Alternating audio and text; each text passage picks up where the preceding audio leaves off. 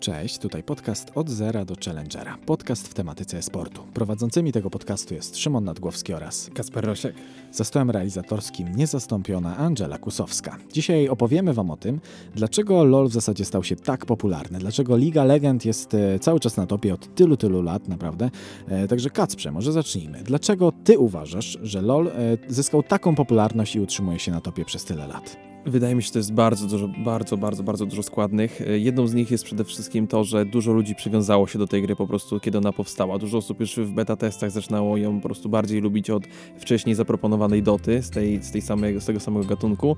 A wydaje mi się, że to jest głównie z tego względu, że LoL jest po prostu prostszy. W sensie dla mnie przynajmniej i łatwiej jest troszkę się w niego z nim zapoznać. Na, dla osoby po prostu, która chce pierwszy raz podejść do gry i spróbować czegoś od nowa. Oczywiście jest dużo, dużo trudniej ją zmasterować e, niż, niż niektóre inne gry do których można też, też, też się spróbować wciągnąć, ale na pewno wydaje mi się, że jest to prostsze niż w docie. W docie wydaje mi się, że ciężko jest się zarówno za, zapoczątkować, jak i później osiągnąć jakiś wyższy poziom, ale sam dużo zbytnio nie grałem, więc nie jestem też w stanie się zbyt wypowiedzieć, ale wydaje mi się, że po prostu przede wszystkim to. E, ogólnie z mojej perspektywy, jakby nie patrzeć, bardzo dużo tych składników wpłynęło na to, że, że LOL na początku miał ogromną popularność, ale z czasem e, stał się naprawdę, naprawdę niesamowity pod tym względem, że ta scena esportowa stała się bardzo, bardzo popularna i bardzo silna i dzięki temu e, ta ilość update'ów i to, jak ta gra się zmieniała z upływem czasu, wpływało na to, że ta gra się nie nudziła tym ludziom. Także bardzo wiele osób zostawało z nią na dłużej, na naprawdę dłuższy czas. I to jest niesamowite, ponieważ to, że na początku ta gra była bardzo, bardzo popularna, tylko, że tak powiem, umożliwiło e, Riot Games e, tą grę umocnić gdzieś na tym topie e, i, że tak powiem, sprawić, że, że ta gra utrzyma się jeszcze przez wiele, wiele lat, bo wydaje mi się, że ona jeszcze ma ogromny potencjał niewykorzystany. Jeszcze wiele rzeczy tutaj można zrobić. Wydaje mi się, że jest w stanie zapełnić całe stadiony nawet, e, e, które będą po prostu przychodzić e, i obserwować tych graczy, którzy, którzy grają, a nie tylko ci gracze będą chętni do, do interesowania się tą grą, bo jeszcze jak najbardziej bardzo wiele osób gra w tą grę praktycznie dzień w dzień.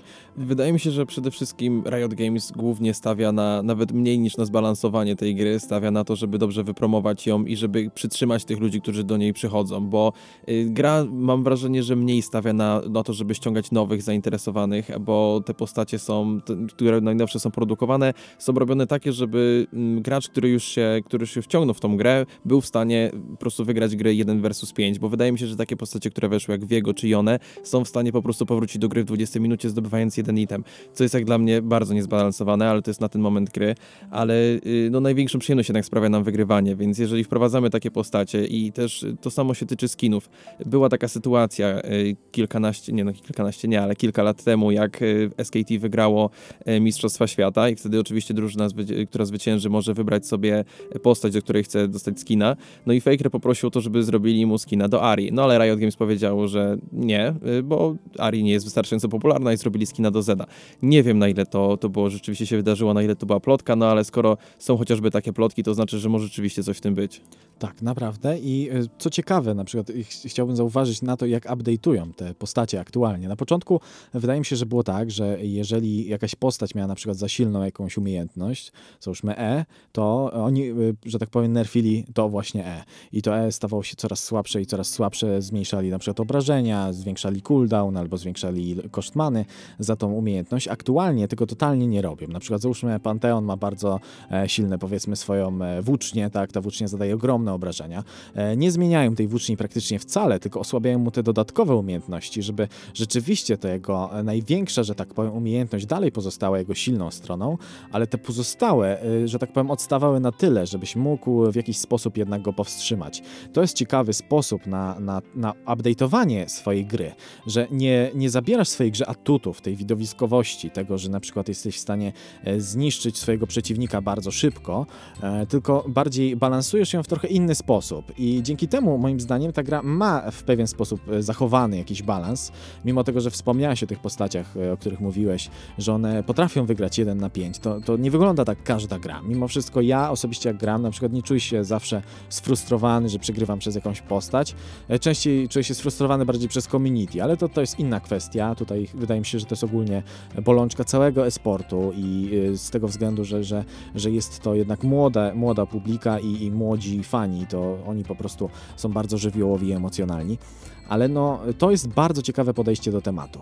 I chciałbym poruszyć jeden temat. Dlaczego na przykład y, LOL względem na przykład CSGO, e, CSGO naprawdę traci całkowicie popularność. Już, y, że tak powiem, Valve, no, wielu rzeczy się chwytało. Próbowali tę grę zrobić za darmo, pomimo tego, że wcześniej mieli ogromną publikę, nawet jeżeli ta gra była płatna. I to też nie, nie, nie dało im, że tak powiem, stałej publiczności, stałych graczy na dłuższy czas, tylko na chwilkę. I zastanawiałem się pewnego razu, dlaczego tak tak jest, że LoL, pomimo tego, że, że ta gra od tak długiego czasu jest na scenie, to tych y, graczy aż tak bardzo znacznie nie traci. Rzeczywiście odpływ trochę jest, ale nie aż tak znaczny, a w CSGO jednak y, te, te, ci gracze odchodzą e, wręcz e, no, diametralnie.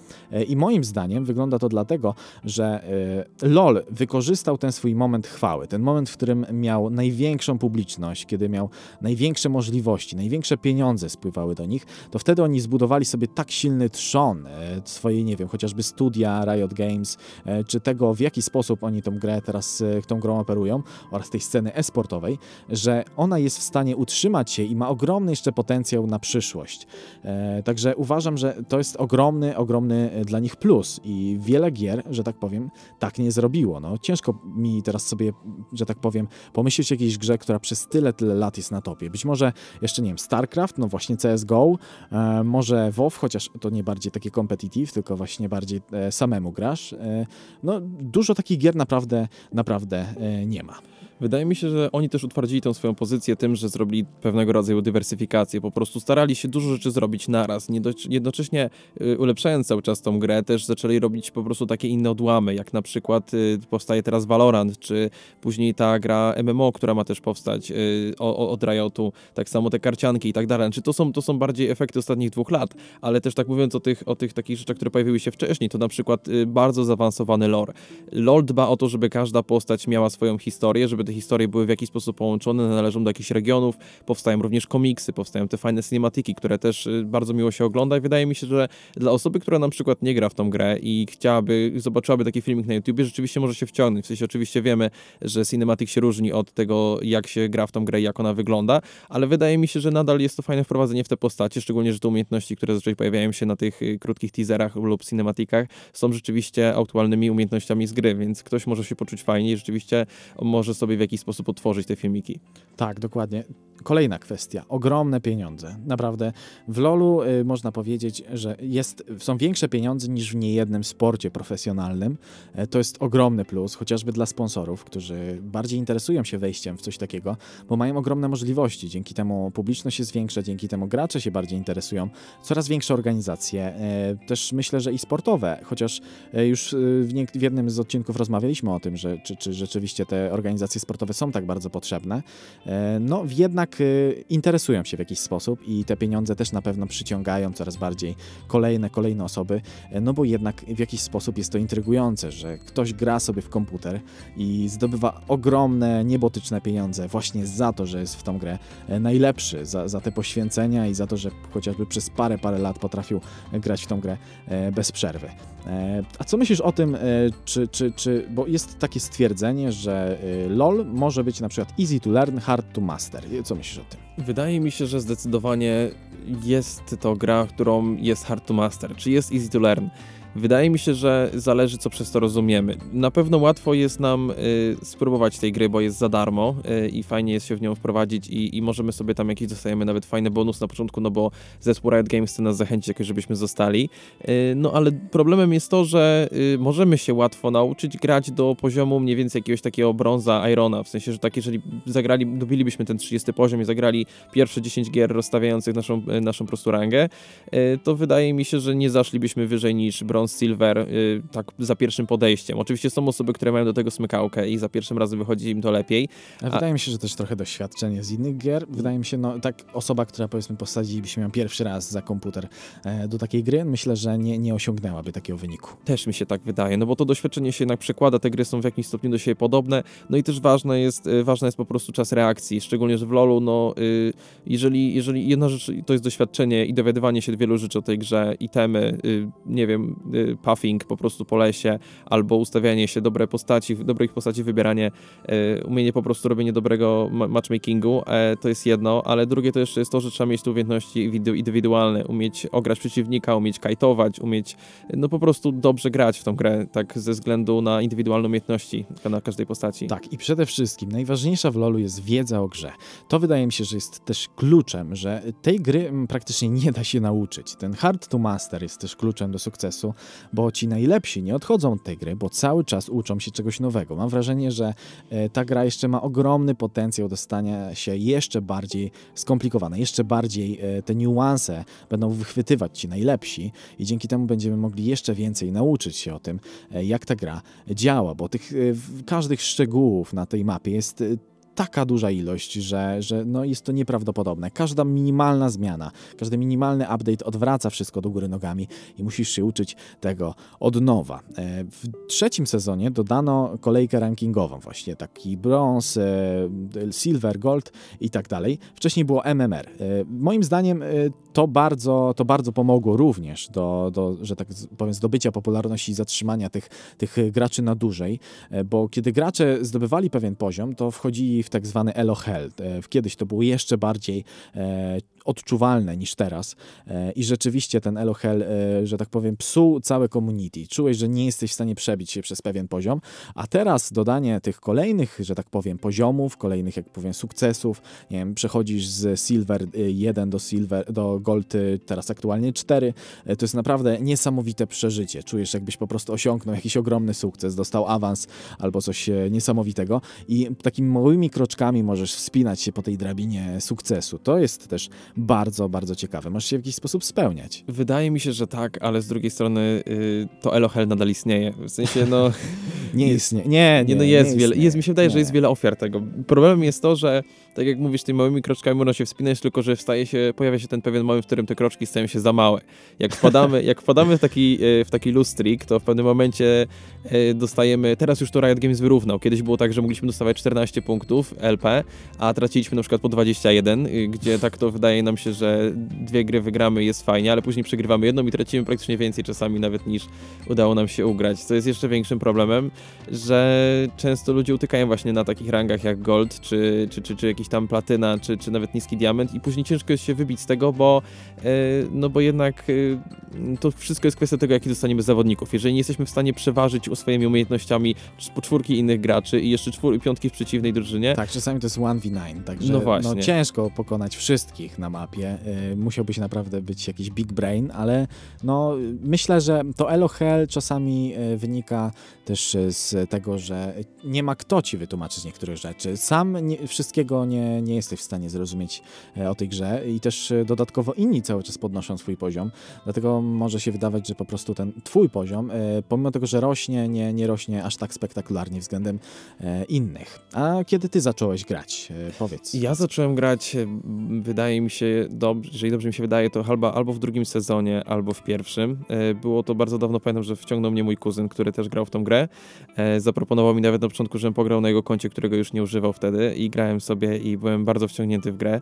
E, znaczy byłem bardzo wciągnięty przez całe trzy gry, które zagrałem na początku. E, nie miałem pojęcia, co robię. Wziąłem Skarnera, pobiegłem na Mida e, i wziąłem oczywiście skille, które mi się wydawały najciekawsze, bo wziąłem wyczerpanie i, i porażenie, bo pokazało mi, że porażenie daje 500 obrażeń. Mówię, wow. jaka niesamowita umiejętność i to, i to tak za darmo mogę tego użyć.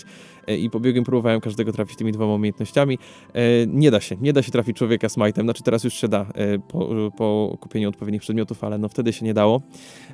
No, ale po jakimś, to bo miałem chwilę przerwy, potem nie spodobało mi się to na początku, ale później, który, po, po jakimś miesiącu wróciłem z powrotem do gry, stworzyłem już własne konto i jakoś tak stopniowo się coraz bardziej wciągałem, wziąłem też kolegę i razem się wprowadzaliśmy w tą grę, więc było naprawdę w porządku. No tak, no bardzo ciekawe i tak być może już powiedzieliśmy o tych wielu, wielu rzeczach naprawdę, które wpłynęły na to, że LoL stał się popularny. Jeszcze zapomnieliśmy, tutaj ja wypisałem sobie jeszcze jedną rzecz, streamerzy. Wydaje mi się, że streamerzy też mieli ogromny wpływ na to, że ta gra była popularna. Nie tylko streamerzy, ale też youtuberzy, to, że wiele osób tą grę ogrywało, pokazywało jak w tą grę grać, że tak powiem, inspirowało innych do grywania niektórymi postaciami albo tłumaczyło te właśnie niuanse tej gry i te, te takie szczegóły, na które warto zwracać uwagę. Dzięki temu ludzie mogli być coraz lepsi i kiedy jesteś w jakąś grę i angażujesz się w nią emocjonalnie, nie wiem, wygrasz ileś gier z rzędu, później przegrasz, to w jakiś stopniu to, z tą grą się wiążesz i mam wrażenie, że ta gra w jakiś sposób uzależnia tak wewnętrznie, że nawet jeżeli od niej odejdziesz na jakiś czas, to i tak wrócisz do niej. Ciężko od niej się oderwać już, już na zawsze. Ja przynajmniej mam tak, że, że gram w nią e, no, bardzo długo i czasami mam naprawdę dłuższą przerwę, ale koniec końców i tak, i tak do niej wracam, no bo ona tak działa, że po prostu jest w stanie e, w jakiejś takiej wolnej twojej chwili pomyślisz o niej, ale bym zagrał sobie chwilkę, chociaż tą jedną grę i ta jedna gra na tej jednej grze nigdy, się nie, nie kończy. Tak, zawsze, zawsze jest ich e, więcej. E, I może tak na koniec, no bo na przykład Valorant, moim zdaniem ta gra miała bardzo duży potencjał, dalej ma bardzo duży potencjał, podobnie jak, jak, jak LOL, ale troszkę wydaje mi się, że Riot poszedł inną drogą już i, i czy nie uważasz, że ta gra skończy troszkę jak Overwatch, bo Overwatch zaczął od takiego bardzo wysokiego poziomu i mimo wszystko nie jest w stanie, wydaje mi się, wskoczyć na, na miejsce LOLa, wskoczyć na miejsce CS-a, nie jest w stanie zastąpić tej gry, gry, e, bo jednak no, to jest taka trochę nowość i gracze traktują ją jako coś takiego, co weszło i zaraz zniknie. No Valorant jest w zasadzie czymś, co było trochę tak ściągnięciem kilku gry, kilku gier, co w zasadzie czym, tym samym był LoL, no bo LoL był e, na podstawie tego moda do, do Warcrafta, czyli Doty. E, no wydaje mi się, że wydaje mi się, że po prostu Valorant nie miał tej siły przebicia. Na początku było, znaczy może miał siłę przebicia na początku, ale trochę później już zabrakło tego impaktu, e, bo jak na początku wszedł Valorant, to wiem, że mnóstwo osób było szczęśliwych, że dostawało te dropy, bo dostawało się te klucze do wersji beta.